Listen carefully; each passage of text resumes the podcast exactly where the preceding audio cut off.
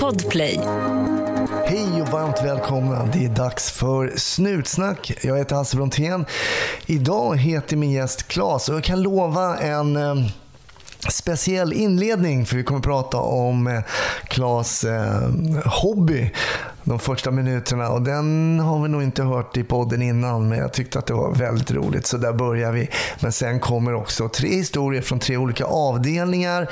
Och i Patreon-avsnittet så pratar vi om när Klas kollega Andreas blev skjuten i Göteborg till döds och att han jobbade passet dagen efter och lite hur det kändes. Eh, Patreon blir du på patreon.com snutsnack. Annars finns vi ju såklart på övriga sociala medier. Ja, var försiktig där ute. Hoppas du får en riktigt trevlig lyssning. 13 10 70 kom. 13 10 uppfattat. Vi tar det. Slut. Bra. Klart slut. Varmt välkommen till podden Snutsnack Klas. Tack så mycket Hasse. Tack. Hur står det till? Du, det är jättebra.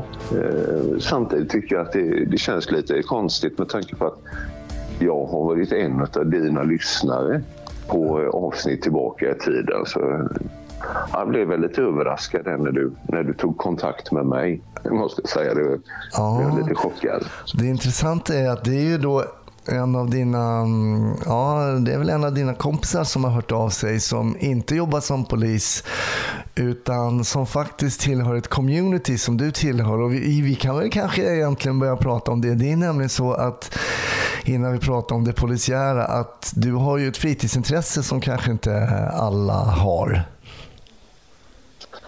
Nej, jag, jag känner mig lite ensam på det just inom eh, polisen. Men jag spelar flipper. Bo, både med i lokal flipperklubb och åker runt lite grann i Sverige och lirar. ja. Sen har jag gjort några, några tävlingar utomlands. Jag har varit nere i Ungern och i, i Tyskland eller i Danmark. Eh, ja, men, men det är inte många poliser jag har träffat på de tävlingarna, det stämmer. Men berätta, eh, flipper. Alla vet ju vad flipper är. Det är den här maskinen som lutar lite och du drar iväg en dank. Säger man dank? Eller säger man metallkula? ja, vi, vi säger nog bara, bara kula. Kula bara, ja. Ja. När, Nej, när, eh, när började ditt flipperspelande då? Jag började ju intressera mig för det runt eh, 2004-2005 ungefär. Ja, Och eh, hittade ett eget eh, spel på nätet. Och, eh, jag tror det var på Blocket det första. ja. Eh, och den eh, säljaren till det spelet, han berättade för mig att det fanns ett community nationellt som hette Svenska Flippersällskapet. Och eh, ett lokalt här i Västsverige då, som heter West Coast Pinball. så, så ja, men då loggade jag in på deras eh, sidor och kollade. Och då skrev de att de hade någon månadstävling och eh, jag tänkte ja, ja men jag åker dit och testar och eh, det visade sig att det var liksom det var alla möjliga yrken blandade. ja. Men det, det var ett väldigt välkomnande community. Det, det spelade liksom ingen roll etnicitet, sexuell läggning eller vad någonting. Utan det är alla, alla får vara med så länge du uppträder schysst och liksom är en, eh, är en god gubbe. ja. Är det mest gubbar eller? Ja, det, det, i Sverige är det väldigt lite tjejer som spelar. Eh, men de tjejerna vi har är ju riktigt duktiga. De har ju hjulat upp mig mer än en gång. Va? Men, eh, Och sen ålder. Det är liksom alla åldersklasser kan vara med. Och de, de duktigaste spelarna vi har i Sverige nu, eh, bland annat en kille då som heter Arvid, jag tror att han är 14 eller 15 år. Han var över förra månaden och spelade i Kalifornien och han är nu rankad sexa i världen. Wow. Så, eh, ja, så att eh, nej. Och Men hur tusan blir man bra på flipper? Är det inte väldigt mycket tur var den studsar kulan då? Nej, det är inte tur. Och om du tittar på gamla eh, flipperspel så, 70, slutet på 70-talet och början på 80 så står det ofta a game of skill. För det är nämligen bevisat i ungefär som en rättegång. För flipperspel var ju förbjudet eh, i till, till exempel staten New York. Jaha.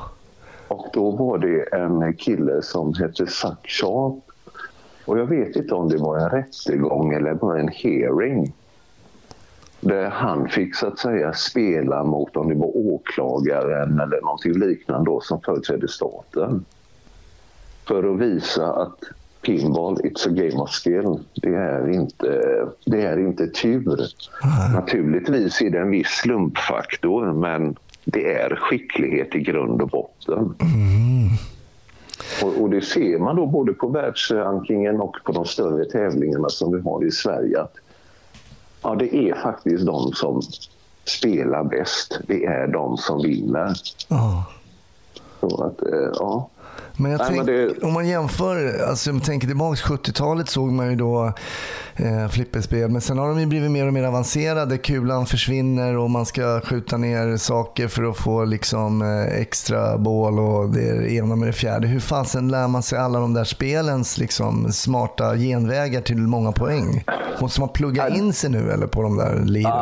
Nej, nu, nu på de här nya spelen som kommer ut nu, då finns det ju en QR-kod så att du kan se vilka olika achievement du har gjort precis på den maskinen. Men, men annars, liksom från 90-talet och framåt så handlar det bara om att nöta och lära sig reglerna på varje individuellt spel. Ja, okej. Eh, Så det, det är bara nöta, nöta och träna, träna och, liksom, och komma ihåg vilka liksom, eh, fördelar man får genom vilka skott. Och det är ju där skickligheten kommer in då.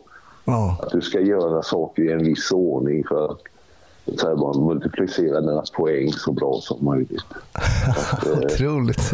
Ja, nej men det, det har ju växt jättemycket de senaste 15 åren. Först, första SM jag var med på kanske det var 150 personer. Som till exempel om två veckor är det en stortävling i Borås. Och då är det också 150 redan anmält. Så att, eh, det har dykt upp fler och fler flipperlokaler i Sverige från Kristianstad, Lund, Falkenberg, Halmstad, Göteborg, Degerfors, Wow. eh, Stockholm och ja, det, är- det är vitt sprätt. Hur står sig Stockholm som flipperstad då? Ja, nu är de lite avvaktande men vi har, haft, vi har ju bara haft eh, folk som har vunnit VM där kille som heter Jorian och en som heter Jörgen. Han var med VM, eller IFA då som det heter, där de 64 högst rankade i världen är inbjudna. Så Stockholm var väldigt, väldigt eh, framträdande förut. Men nu är det de här ungdomarna från södra Sverige och folk från Mellansverige som...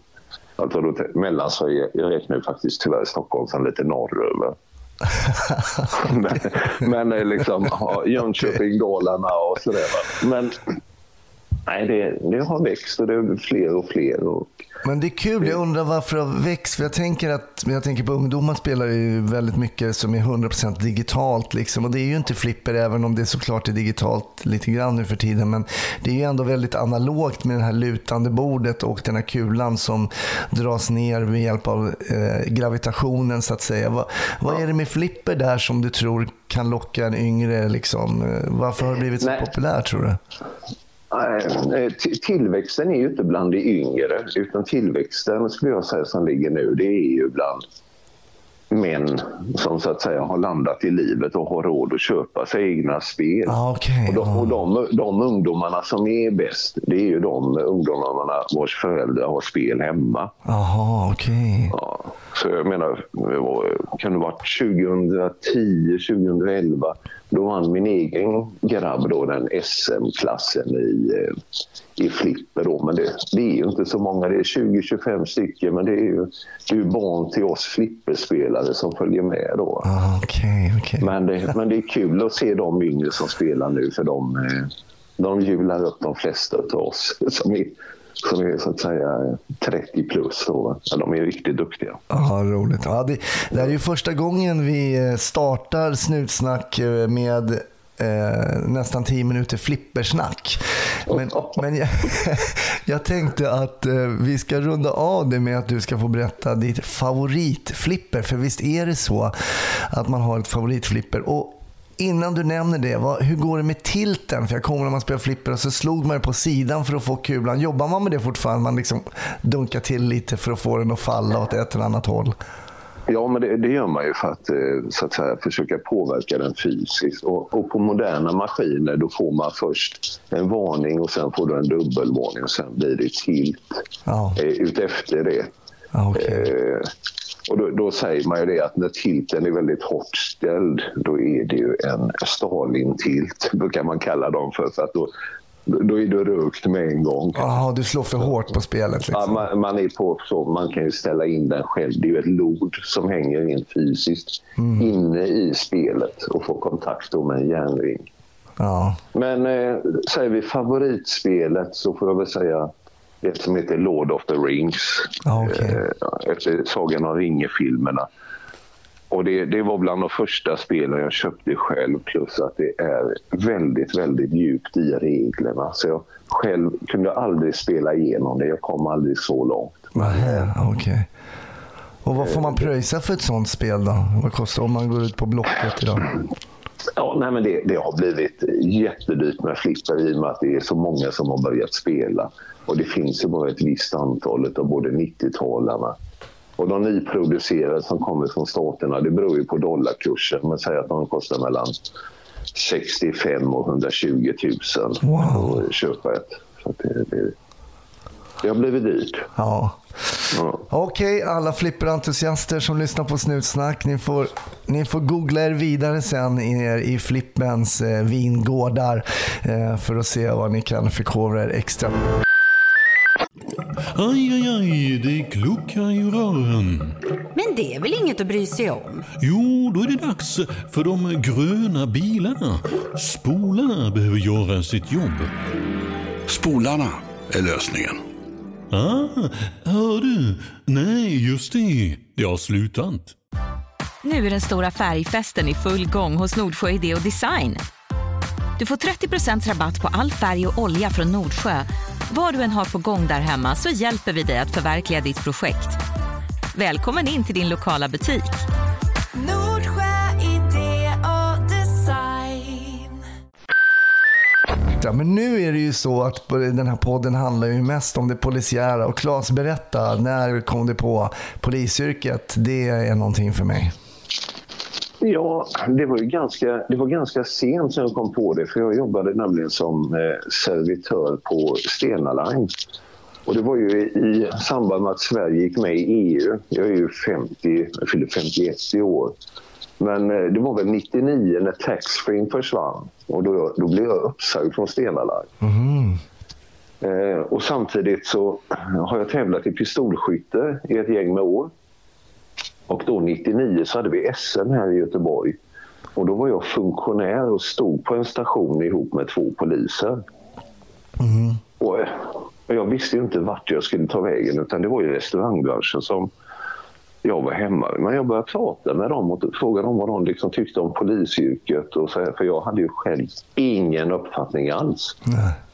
Eh, och de sa det, men att det är ett schysst jobb att eh, Kommer du bara in på utbildningen, eh, får köra lite radiobil, se hur du trivs med det, så finns det så många möjligheter därefter. Du liksom behöver inte känna det att oh, fan, nej, men nu går jag till jobbet och ska köra den trucken och lasta av en lastbil idag. Utan det finns alltid möjlighet att utveckla sig i jobbet. Oh, oh. Och liksom se vad, vad, vad får jag för något intresse i som polis och utefter det.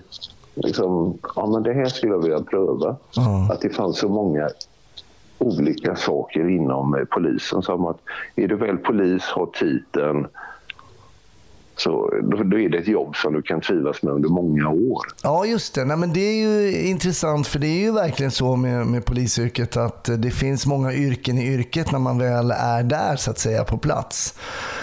Men du slängde in en ansökan och kom du in på första eller?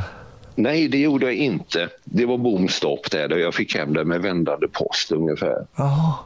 Okay. Eh, ja, så, så nej, det gick inte alls det. Nej. Eh, och sen så gick det väl ett litet tag och sen så eh, slängde jag in en till. Och då hade jag börjat jobba på kriminalvården på häktet i Göteborg. Okej. Eh, och slängde in en till och så fick jag nej på den också. Och sen så ja, lät jag nästan det rinna ut lite i sanden där under ett år, ett och ett halvt. Mm. Och sen var det min fru, hon sa till mig, eller frågade mig att du, hur går det här med poliseriet? Ja, och då var jag lite halvgrinig så jag sa, "Nej, du vad fan, jag skiter i det. Jag har skickat in två gånger nu och det, det, det går inte. Nej. Och då tittar hon på mig och säger men du, du har ju liksom inte varit den här som ska ge upp tidigare. Vad är det här för något? Jag känner inte igen dig. Okej, så nej, men jag skickar väl in en till då. Mm. Eh, och då kom jag in. Så att det, det var ju först... Eh, jag började ju skolan 2004, Ja. utbildningen. Tredje gången gilt alltså. Ja, det var tredje gången gilt för mig och eh, det är ju tack vare min fru. Hade inte hon sagt till mig liksom ställt det liksom att men, skärp dig, vad är det med dig? Du är inte den som brukar ge upp. Just det. Ja, för jag gick väl där och harvade på på häktet och var lite smågrinig över det där. Va? Vi behöver våra peppande fruar. Ja, nej, men så är det ju. Det, Så är det, ja. det, Men när du väl var färdig då, då liksom, efter utbildning och sådär, kändes det som att ja, men, nu är jag nog på, på rätt väg? Ja, nej, men jag tyckte ju, jag tyckte det var liksom, det, det var ju kul med utbildningen och samtidigt, jag var ju tvåbarnspappa då. Eh, grabben var sju år och dottern hon var två när jag, när jag kom in på utbildningen. Oj, hur gick det att plugga då? då? Gick det? Ja, men för mig gick det ju alldeles utmärkt. Jag, menar, jag, var ju, jag fick ju leva tonårsliv måndag till fredag. Hänga på skolan och... Ja, nej, men eh, hänga där nere och köta med dem och liksom var väldigt ansvarslöst. Att den som var hjälten under den tiden, det var ju min fru. Hon rådde ihop det att hämta och lämna på dagis, sköta sitt eget jobb, köra grabben till träningar och lilltösen, hon fick ju bara hänga med. Ja. Så det var ju hon som var, min fru som var hjälten under den tiden för jag hade det ju väldigt lökigt och grått.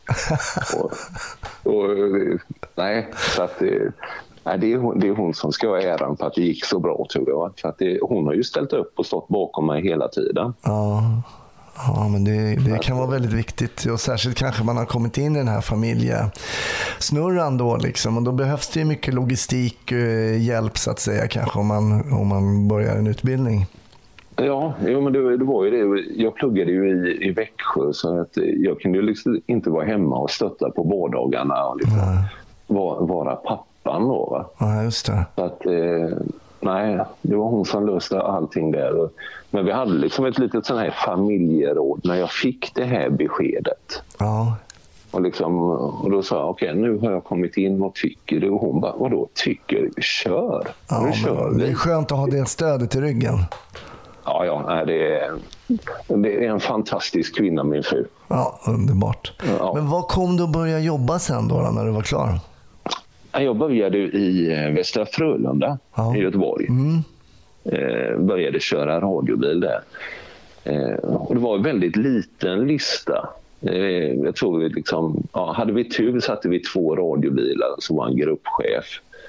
Och, eh, första dagen när vi skulle jobba, jag och min kollega, eh, vi var kursare. Då var det han och jag som liksom, då var vi färdiga PO, ut och rulla och sen så låg vår gamla gruppchef, han låg i bakvattnet och lyssnade av och kollade läget och liksom stöttade. Så du var ute två helt färska polisassistenter i radiobil. Direkt Ja, nykokta från skolan liksom. Ja visst, och ingen av oss hade ryckarkurs. Så åkte vi på Brottonlarm så kunde vi stå där vid ett rödljus. Så fick du inte köra blåljus. Nej, för vi var inte klara med ryckarkursen någon av oss. Att det, ja, det var lite sådär. Men, ja. Men hur var det att komma in i det, liksom, komma ut i jobbet från det lite mer teoret- teoretiserade så att säga på skolan och komma till skarpt läge och så. Hur, hur kändes det?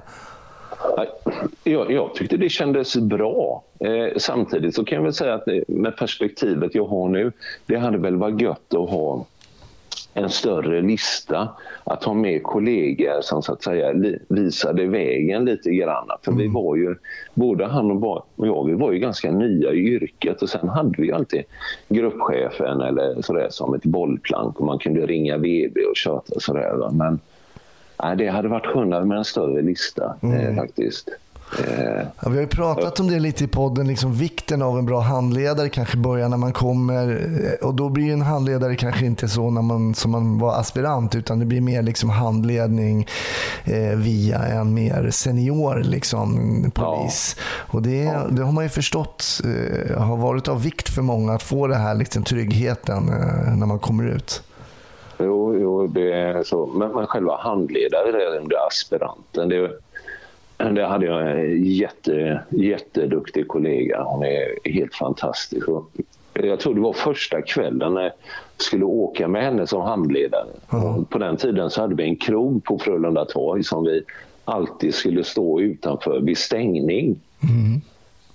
Och första kvällen, ja, då satt jag höger fram och hon körde. Sådär. Så vi stod en bit ifrån krogen, men väl synliga så det skulle jag ha lite lugnande påverkan. Och ut från krogen så stiger det en kille som är synnerligen välbyggd. Eh, har ett tunt linne på sig och är riktigt vältatuerad. Och det hela toppas med en sån här jättetjock guldkedja, du vet. De som är mycket i Thailand med de här små buddha-figurerna. Ja, just det. Jag kan se den här personen framför mig. Ja, visst. Ja, men så. Och så tittar han bara rakt mot radiobilen. Och så kommer han fram. Eh, Så går han fram till min sida så knackar han på fönstret där och böjer sig. Jag hissar ner rutan så tittar han på mig och säger jag undrar fan hur det gick till när Claes blev polis. Och så gick han. Jaha. och, min, och min handledare tittade på mig liksom att det var ju första kvällen hon och jag skulle åka ihop. Hon tittade på mig hon tittade, och så sa hon, du, vem var det? Och jag bara sa till henne att, att du, jag har inte en aning. Oj. Ja, men, då tänkte jag säga, ja, jo, men i och med att jag hade ju liksom jobbat inom restaurang och varit på båtar och så. Det var ju väldigt mycket folk i omsättning på den tiden. Du vet. Ja, ja. Eh, Jag tänker på häktet lite där sp- spontant. Ja, det, det, kan, det, kan, det kan ju ha varit därifrån också. Ja. Men jag har ju inget som helst minne. Nej. Men han tilltalar mig precis som vi är bekanta. Ja. Ja, det, det, det, var en, det var väl en liten speciell eh, första dag som aspirant. Så än idag vet du inte vem den här personen Det var? är inte en susning. Helt, det, det är helt tomt. Ah, gud vad roligt. Ja. Ja, så det, ja, ja, så får det gå till. Vi brukar ju prata mycket minnen i, i, i, i podden och sådär. Vad man har för minnen från liksom, tiden. Vad, vad, vad har du liksom från 2004 fram till idag som, som sitter fast hos dig än, än idag så att säga? Ja, det, det är ju lite olika händelser beroende på var i, så att säga, i organisationen jag var. Från radiobil till... Jag var ju åtta år på ledningscentralen också Ja, innan jag kom till min nuvarande tjänst. Så att, eh, jag har ju bytt lite grann, men... Eh, ja, någon som jag kommer ihåg som kanske har sytt ihop lite grann arbetslivet. där, Det var, eh, jag var på T under några år. på trafiken alltså. Ja. Mm. Eh, och då, eh, då hade vi satt upp en eh, trafikkontroll på kvällen på hissingen som gick in mot stan. Och eh, jag satt själv i det som vi kallar för huggebilen. Vad, vad, vad innebär huggebil? Det är den som ska jaga ikapp eller? Ja, nej, huggebilen är en bil liksom som man ställer en bit ifrån ifall det är någon som, så att säga, som drar. Så att man har någon som liksom kan ligga bra till på själva eh, biljakten. Ja, okej. Huggebilen. det- Ja, den har jag aldrig faktiskt Ja. hört förut. Ja, nej, men det är sånt. Så man ställer ut en bit från kontrollen och så lyssnar man med på talgruppen då, och så hör man ifall det, någon stoppen skriker. Då. Stoppen är ju den som, så att säga, ska ta in en eh, bil då, som de antingen har mätt då med hastighet eller annat. Att den har avvikande körsätt eller eh, någon har gjort en slagning på den längre bak. Då. Eh, Så jag satt där i huggebilen och det var ju riktning eh, Göta älvbron då som går in mot centrala stan. Och sitter där med motorn igång och lyssnar lite. Och sen hör jag bara stoppen skriker liksom han drar, han drar. Och så ropar de att det är en, en Audi. Så jag lägger i drive då liksom och tittar och ser att det kommer en kille som skjuter nu en kanon upp på Göta älvbron. Så jag, jag bara kickar ju igång för att så att säga inte kunna tappa honom för han har ju bra hastighet när han går förbi. Man kanske ligger 130-140 och det är liksom, på den tiden var det ju en 50-sträcka. Oj, okej. Vilket gjorde att när han väl, så att säga, när jag, när jag kom upp på toppen på bron så ser jag att bron delar ju sig längre ner på Gö- Göteborgssidan, citysidan. Ena sidan går till höger och till vänster. Och då ser jag bara hans bromslyktor eh, lyser rött. Och sen så eh, kilar han fast sig mellan en spårvagn och själva räcket. Oj. Eh, Det blir alltså en riktig jävla smäll. S- Sen tar det väl kanske ett par, tre sekunder innan jag kommer fram. Så jag ställer ju bilen där och eh, precis bakom då och så springer fram och ser att ah, han sitter ju fastklämd och, är, och den, han är ganska skadad Ja, ja. eh, där han sitter då. Är du själv i din bil? Ja, det är jag själv i den. Och sen så ko- kommer ju fler eh, kollegor från själva kontrollen och kommer ju så att säga, landar ju in en tre, fyra sekunder efter. Eh, och då trycker vi ett förtur och så begär vi då att ambulans ska komma till plats då med anledning av eh, den här olyckan. Och vi tittar och ser ju att han lever men vi- vi ska liksom inte börja dra eller försöka någonting med honom utan han, får liksom invänta ambulansen där. För att, eh, men i varje fall så ambulansen kommit på plats där och räddningstjänsten och de får ut han ur, ur bilen. Eh, och så lägger han på en bår. Och då går jag fram och så tittar på honom. Och då känner jag igen, fan det där är ju en gammal buse som jag känner liksom från tiden på häktet. Ah, okej. Så jag böjer mig fram och så säger, frågar han, "Jag känner hur, hur, hur är läget? Och han, han sa, "Ja, jag har ont, jag har ont, sa han. Ja, och ambulansen där börjar lasta och så, då börjar jag komma till minnes att, fan att det var någonting med Kurre, det är någon jag har snackat med. Eh, och då kommer jag ihåg att för han och en annan kille, de var alltid polare när de satt inne ihop eller eh, uppe på häktet. Jag jobbade på gemensamhetsavdelningen. Och hans polare hade jag liksom bara tagit ett par månader efter. Och då hade jag frågat han, fan jag är ju inte van vid att se dig, vad, vad fan har du gjort av Kurre? Och då sa han, det, "Aj, aj, jag vågar inte vara med Kurre längre för han har ju liksom börjat köra lite större grejer och torskar man med honom så blir det ingen kaffevolta. Ah, okej, det blir något längre liksom. Ja, och det kommer jag ihåg, liksom, den konversationen. Och då så frågade jag min kollega där, liksom, ser du om han har någon jacka eller någon väska eller någonting med sig? Ja, då säger ambulanspersonalen det, ja, men vi har lagt hans jacka i bilen. Och då säger min polare, jag ska gå och kolla i den. Så han går dit och så säger, han, kommer han tillbaka med ett leende och så visar upp. Och då är det en förpackning stor som en, ja, lite större än en tennisboll med amfetamin. Han eh, håller det nära näsan och säger det här är, det här är tjack, säger han. Och sen så har han en likadan i andra jackfickan. Oj. Och då säger han det att eh, min kollega det att jag åker med ambulansen in ifall han har mer på sig för då låg han ju fastspänd i, i den här båren. Och väl inne på sjukhuset sen då visade det sig att då hade han ju två sådana eh, ordentliga klumpar eller bitar till så att det var väl ett, en sju hekto sju, sju och ett halvt hekto amfetamin som han hade på sig där. Oj, där hade vi anledningen till varför han stack. Va- Varför han, varför han drog som en jehu, ja. Men jag tänker att det- på den här när han kör där. Var, var det liksom, blev han på något sätt ställd så att han hamnade mellan räcket och spårvagnen? Eller var det bara dålig, dåligt handhavande? Liksom? Vad var din uppfattning när du kom? Om vi säger så här. Eh, jag tror att han hade för hög hastighet och att han låg vid spårvagnsspåren eller någonting. och liksom försöka tvärnita och bromsa vid spårvagnsspåren när man kommer i den hastigheten. Ja. Det, alltså det var ju en ordentlig smäll. Eh, hela bilen var ju fastkylad där. Ja, jag fattar. Vet du hur det gick med honom sen? Jag, jag var ju på rättegång och fick vittna mot honom så han levde ju. Eh, Men efter den rättegången så har inte jag sett honom så jag har ingen aning. nej. Jag har ingen aning. Och liksom... Men det var ju ändå, ändå när jag kom in på rättegången och så, så nickade han och så sa han hallå Claes, tjena Kurt och det var liksom, det är ju inga hard feelings utan nej. det, det är ju så att säga spelet då va. Han gör sin grej och vi gör våran och det är ju bra med det.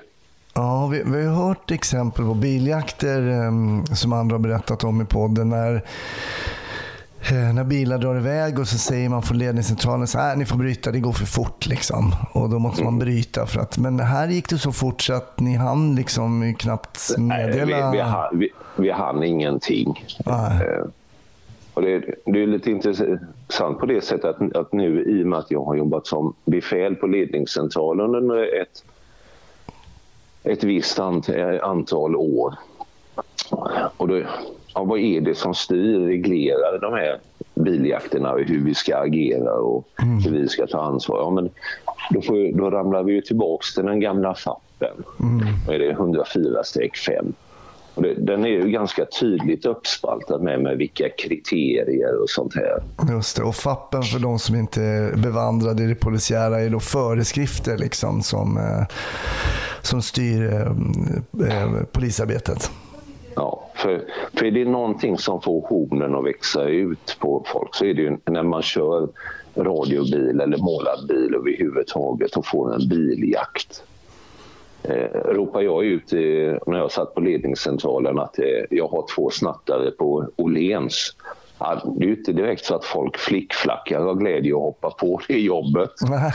Men, men går man ut på radion och så ropar att det är biljakt. Ja. Det är, Ja, men det är ju någonting med en biljakt som eh, är väldigt spännande, verkligen. Ja, ja. Ja. Och nu kommer man säkert höra det i efterhand. Men jag tänker mig på att vi säger biljakt istället för Efterföljande. följande. Ja. Men biljakt i folkmun förstår man ju verkligen eh, vad det är. Liksom. Man följer efter Ja. någon som försöker smita. Liksom. Ja, och det, det, det är väl därför jag använder det uttrycket med för att det här riktar väl sig inte bara till poliser. Nej, det, nej, absolut inte. Det är många som lyssnar som inte eh, jobbar in, inom, inom polisen. Ja. Men du sa att minnena skiljer sig såklart från var man har befunnit sig, vilken tjänst man har haft. Och det här var ju Mm. då en, en berättelse från ja, ordningen eller trafiken. Då. Eh, Ja, trafiken var jag på. Trafiken, ja. Men Ja. du har ju suttit på radion och där kan jag tänka mig att där är mer, alltså, jag ska inte gå händelserna i förväg på något sätt, men eh, det är ju skillnad att vara på plats och att styra någon som är på plats. Eh, Ja. Genom att sitta på radion. Vad har, du för, har du några minnen från radion där, liksom, där man är liksom fysiskt lite längre från själva skeendet? Liksom? Ja, nej, men eh, då eh, satt jag som operatör på, på ledningscentralen och vi hade gjort ett, eller gjorde ett vanligt nattpass. Lugnt, lugnt inflöde och när samtalen och radioanropen kommer in till ledningscentralen så kan de ju antingen komma in som ett rött samtal, det vill säga en 112 eh, eller högprioriterat samtal då från eh, andra myndigheter eller sådär. Annars så kommer de in som svarta telefonsamtal och så ser man ungefär varifrån de kommer i den här regionen då som vi jobbar, Region Väst. Då. Eh, så att man har en svarsordning. Ordningen är alltid först röda samtal, sedan radioanrop från polispatruller och sen eh, telefonsamtal. Men det var lugnt och jag satt jag svarade på ett svart samtal där. Och, eh, då var det en man och han presenterade sig vad han hette. Han sa att eh, bodde i en ort långt uppe i norra Dalsland, det är liksom nästan på gränsen till Värmland eller Norge. Och han var väldigt lugn och eh, när han hade presenterat sig och lämnat sitt telefonnummer och personnummer så frågade jag vad är anledningen att du ringer polisen ikväll? han. Och då sa han det att ja, men, jag och min granne vi har, eh, vi har annars suttit och krökat lite grann. Tagit några vers och börjat prata. Jaha, okej, ja. Så sen, och sen började vi prata politik. Ah, det ska man inte göra på fyllan. Nej, men, nej alltså, det, det, ska man ju liksom inte göra. Liksom. Man, ska, man ska inte blanda ihop alkohol och politik och grannar. Det, det, är liksom, det är en sån här no-go zone. Ja, sen så att han, han högg mig i ryggen med kniv. och när han säger det, just det i samtalet, för det, det har ju varit ganska laid back och liksom, jag försöker i lugn och ro plocka fram vad det är han vill säga. Men just det när han säger det, han högg mig i ryggen med kniv. Ja. Och sa han att så jag ringer till er för om jag dör så vill jag att ni ska veta vem det var som gjorde det. Oj, Så nu, så nu ska jag ringa ambulans, sa han. så han ringde, han prioriterade det polisiära så att säga. Ja, han, ty- han, ty- han tyckte att det kunde ju vara bra om vi visste vem det var som hade huggt honom. Oh my Och då sa jag till honom det att han behöver inte oroa sig det här med att han, han själv behöver ringa ambulans utan det ska vi vara honom behjälpliga med. Ja. Eh, och eh, mitt befäl var ju väldigt tydlig med håll detta samtalet.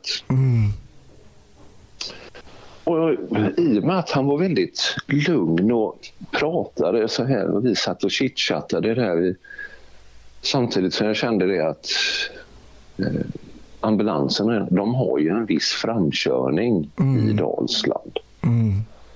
Eh, och så vi höll det här samtalet och, det, och sen så sa han, du, jag, jag måste bara berätta. Så jag börjar frysa nu. Eh, och jag, jag har liksom börjat tappa känseln i benen. Ja, Det var. Okej, säger du det? Nej, men, hur går man vidare i ett samtal? Liksom, och hålla det? Eh, Men det Och då anar ju du att han eh, börjar bli sämre såklart. att han började bli sämre och, och jag frågade ju var kniven satt. Och liksom, och, Satt den och han kvar kniven? Ja, den satt kvar i ryggen. Och jag var ju väldigt noga med att rör inte kniven även om du når den. Låt den sitta kvar. Ja. Det är bättre att den sitter kvar tills ambulansen är på plats än att Ja. du drar ur den. Så ja. Och vad händer? Vad händer? Ja, ja, ja, ja, precis, precis. Så det var ju, kollegorna där, de hade ju en ganska lång framkörning och de låg ju så att säga, körde kolonn med ambulansen. Jag vet inte om de utgick från, om det var Åmål eller Mellerud den dagen, men jag höll det samtalet i alla fall eh, så gott jag kunde eh, fram, fram tills de landade in där på plats.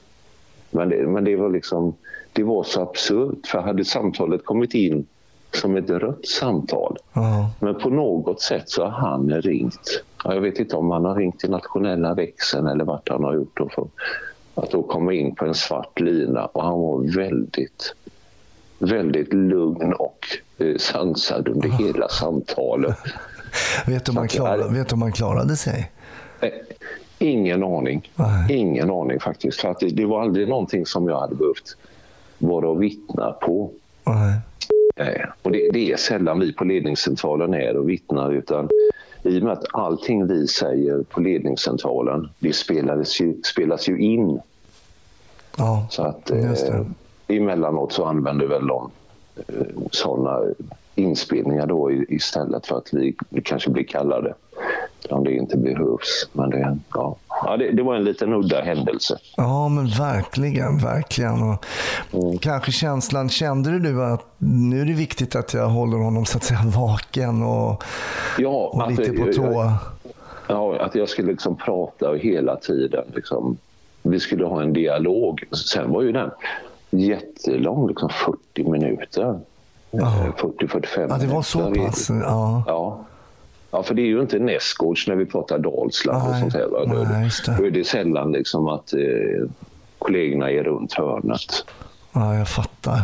Ja, om- eh, kan det infinna sig då en viss eh, frustration också när du liksom väntar på att ambulansen ska komma och han säger att han tappar känsel i, olika kroppsdelar och sådär? Ja, men, ja, frustration, ja, jag vet inte om jag kallar det frustration utan eh, liksom, man får acceptera verkligheten så som den är där, där uppe. Att vi har inte mer resurser i det området. Nej. Och vi vet, vet ju att kollegorna som är på utsidan, ja, de gör så gott de kan. Mm. Och det är bättre att de kommer fram än att de kör ihjäl sig eh, mitt i natten på ett, på ett jobb. För det, det viktigaste med att gå till jobbet är ju faktiskt att gå hem. Mm. Ja, absolut. menar, vi, vi har ju haft tyvärr tragiska händelser där kollegor inte har fått komma hem till sina älskade och familjer och nära. Va? Och, eh, det, det är ju verkligen de, de tuffa dagarna på jobbet. Ja, ja, men verkligen. Ja. Oerhört sorgligt. Nu är den stora färgfesten i full gång hos Nordsjö Idé och Design. Du får 30% rabatt på all färg och olja från Nordsjö. Vad du än har på gång där hemma så hjälper vi dig att förverkliga ditt projekt. Välkommen in till din lokala butik.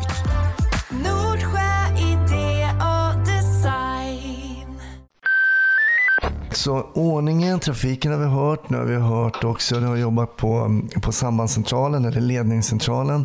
Men vad gör du idag Claes?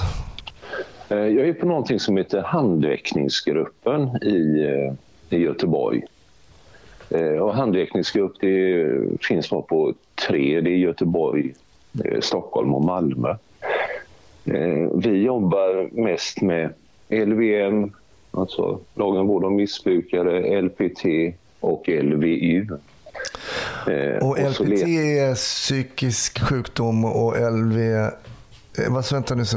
LVM är missbruksvård va? missbrukare och LPT det är psykisk ohälsa. Ja, Och LVU det är ju Unga. unga. just det. Mm. Och då, då bi- biträder ju vi eh, även då till exempel socialtjänsten vid omhändertagande av barn. Vi kan biträda Kronofogden vid vräkningar och sen eh, ja, hämta patienter till vårdintygsbedömningar, biträda vid vårdintygsbedömningar, eh, transportera eh, ungdomar då till, till olika SIS-hem och eh, så här. Då. Det, och, och leta efterlysta då som ska in och avtjäna. Just det. Så att det, det, det, är det vi, som vi gör. Och, eh, Det här har ju alltid varit lite eh, snack om, kanske inom myndigheten men också ibland kanske att det kommit utifrån att det här blir någon form som till exempel man ska köra, jag kommer ihåg man körde, det gjorde de här handräckningarna, man körde då, man pratar, jag tror det hette LSPV på min tid, det som heter LPT idag. Eh, man helt enkelt transporterade folk från A till B som man ja, ibland misstänkte man nog inte ens att det skulle bli våldsamt utan det blev mer att polisen skulle köra folk som då hade någon form av psykisk ohälsa från A till B och det blir ju ja, nästan som någon form av taxiverksamhet om man ska överdriva det lite grann. Eh, finns den här kritiken eh, än idag? Liksom, att, ska det kanske kunna göras av andra än poliser eller är det viktigt att polisen gör det? Vad tycker du? Ja, men i, i och med att vi har våldet i polislagen, det blir tvingande. Då, då, då blir det ju liksom att det andra har ju så att säga inte den möjlighet i sin lagstiftning på samma sätt. Så att så länge lagstiftningen ser ut eh, som den gör och det är vi som har det här våldsmonopolet. Sen har vi, vi fått en en viss avlastning av eh, kriminalvården nu. Polisen gjorde ju någon deal där men det är ju inte alls i den eh, eh, omfattningen då som vi skulle önska som här nu i, i torsdags. Ja, men då hade vi två kollegor, då skulle man köra en kille från Halland och så skulle han upp till Kalix. Okej, oj. Ja, och det, det, det blir ju sådana trans, transporter då. I, och den kunde inte NT ställa upp och hjälpa till med. Och NT det är ju kriminalvårdens eh, transportavdelning, jag menar med det. Då. Mm, okej. Mm. Då, blev, då blev det att eh, då fick kollegorna helt enkelt flyga upp till eh, Okej. Boden och vidare därifrån. Men det är som du säger att ibland blir det ju lite, det blir lite konstigt. Eh, Det, det, det känns inte rätt. Vi hade, jag och min kollega vi var iväg på ett case. här. Vi hade fått till oss att vi skulle föra en patient upp till eh, psykiatriakuten. Mm. Eller en person då. Och när vi tittar på det, ja, då är det en 91-årig kvinna. Ah, okej. Du vet, ni- 91 år Hasse va? och när vi kom till hennes bostad om hon var dement eller vad hon var, det, men det rådde ju fullständig misär. Ah. Och, det, och vi försökte prata med henne för det måste jag ju liksom ge en eloge till mina kollegor. Jag är ganska ny på den här gruppen.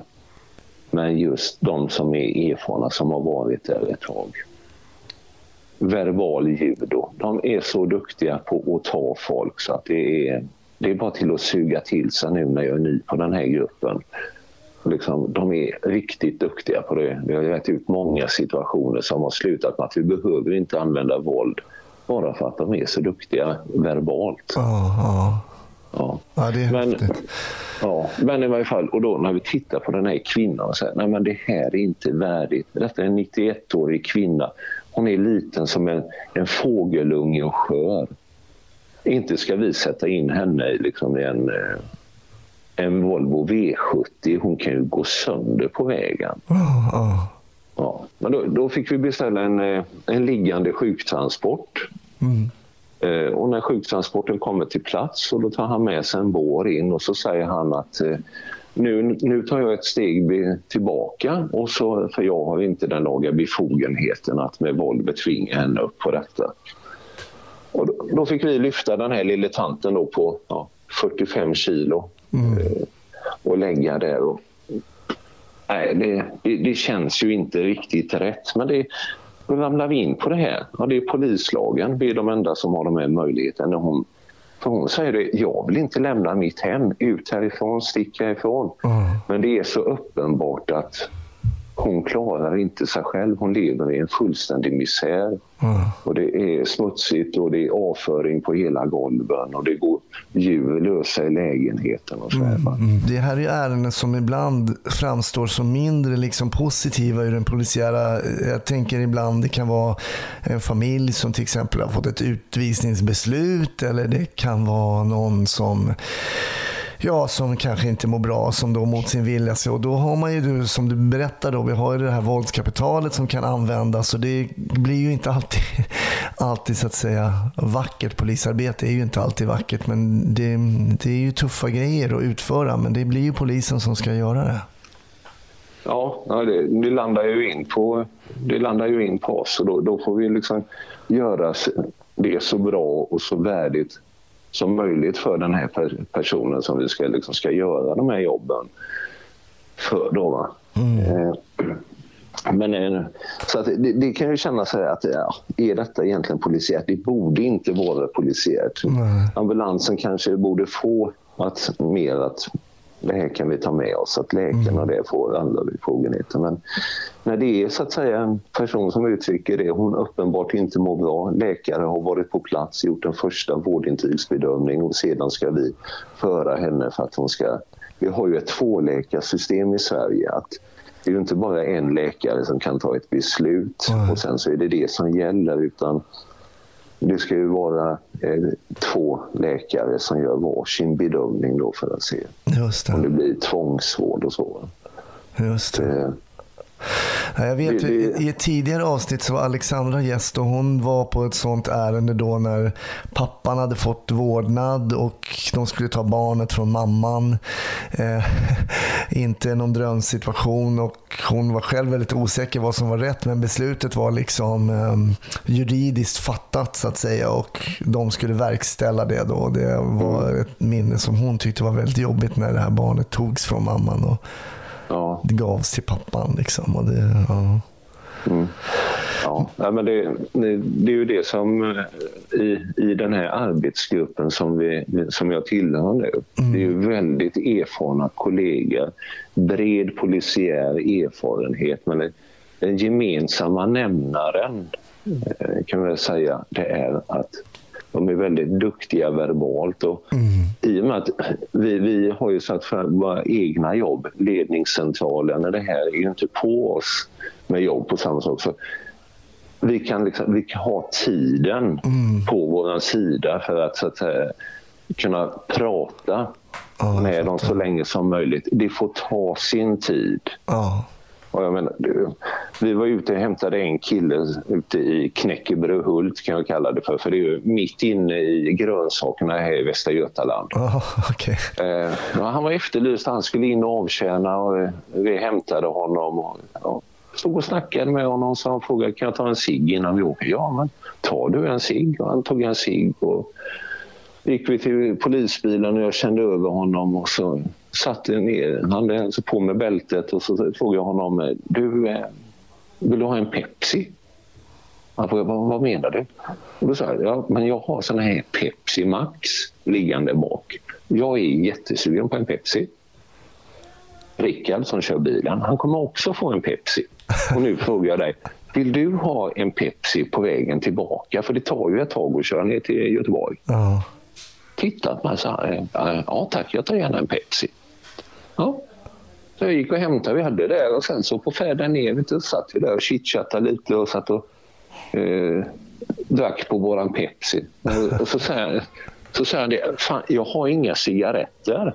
Ja, man sa, det är väl inga problem, har du bara kontanter så, eller kort och ge mig koden så kan jag köpa cigaretter till dig på vägen ner. Det är ju inga konstigheter. Ja. Ja, så vi stannade på en bensinmack där och gick in och köpte cigaretter och så fick han dem och så sa han tack, eh, tack. Eh, och så tittade han så sa vad är ni för slags poliser egentligen? Alltså, liksom, Ja, är, han har aldrig sett på film att någon räcker över en Pepsi. Den har inte jag heller sett i någon snutfilm faktiskt. Nej, eh, det, det, är liksom, det, det är just det här. Man kan avdramatisera det hela. Man bemöter folk på ett, ett schysst sätt. Yes. Vi gör den åtgärden vi ska göra. De ska in och avtjäna och sånt där. Men vill han ha med sig ett paket cigaretter upp till häktet eller köpa frimärken på vägen in och han är så att säga vattenkammad, eller hon, och uppför sig.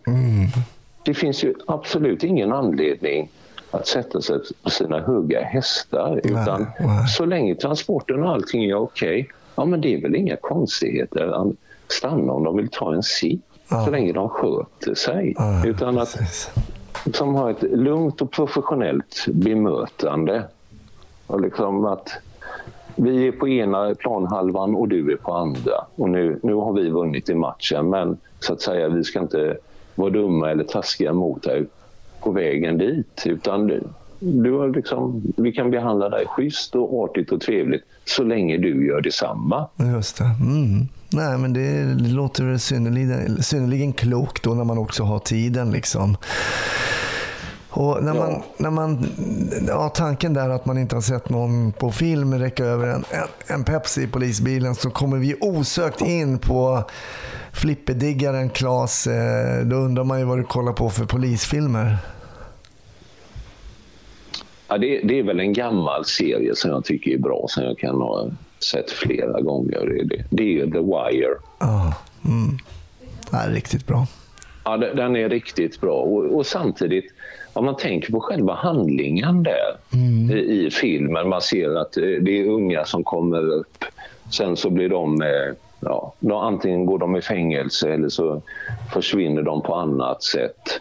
Eh, att, så att säga, bli utsatta för våld och beskjutna eller så här.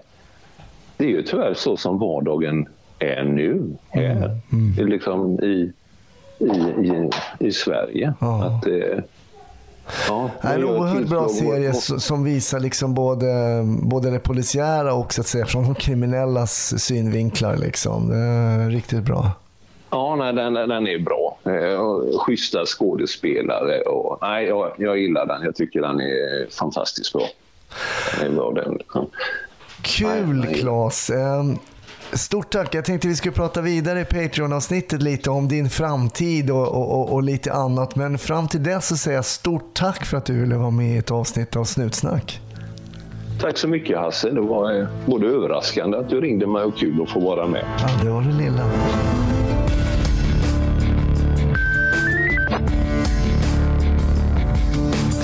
Tack. Eh, Snutsnack är över för den här veckan. Självklart är vi tillbaks i nästa. Bli Patreon på patreon.com snutsnack och ta del av massa bonusmaterial. Annars kanske vi ses på Instagram eller på Facebook. Ha en fin vecka. Hej då!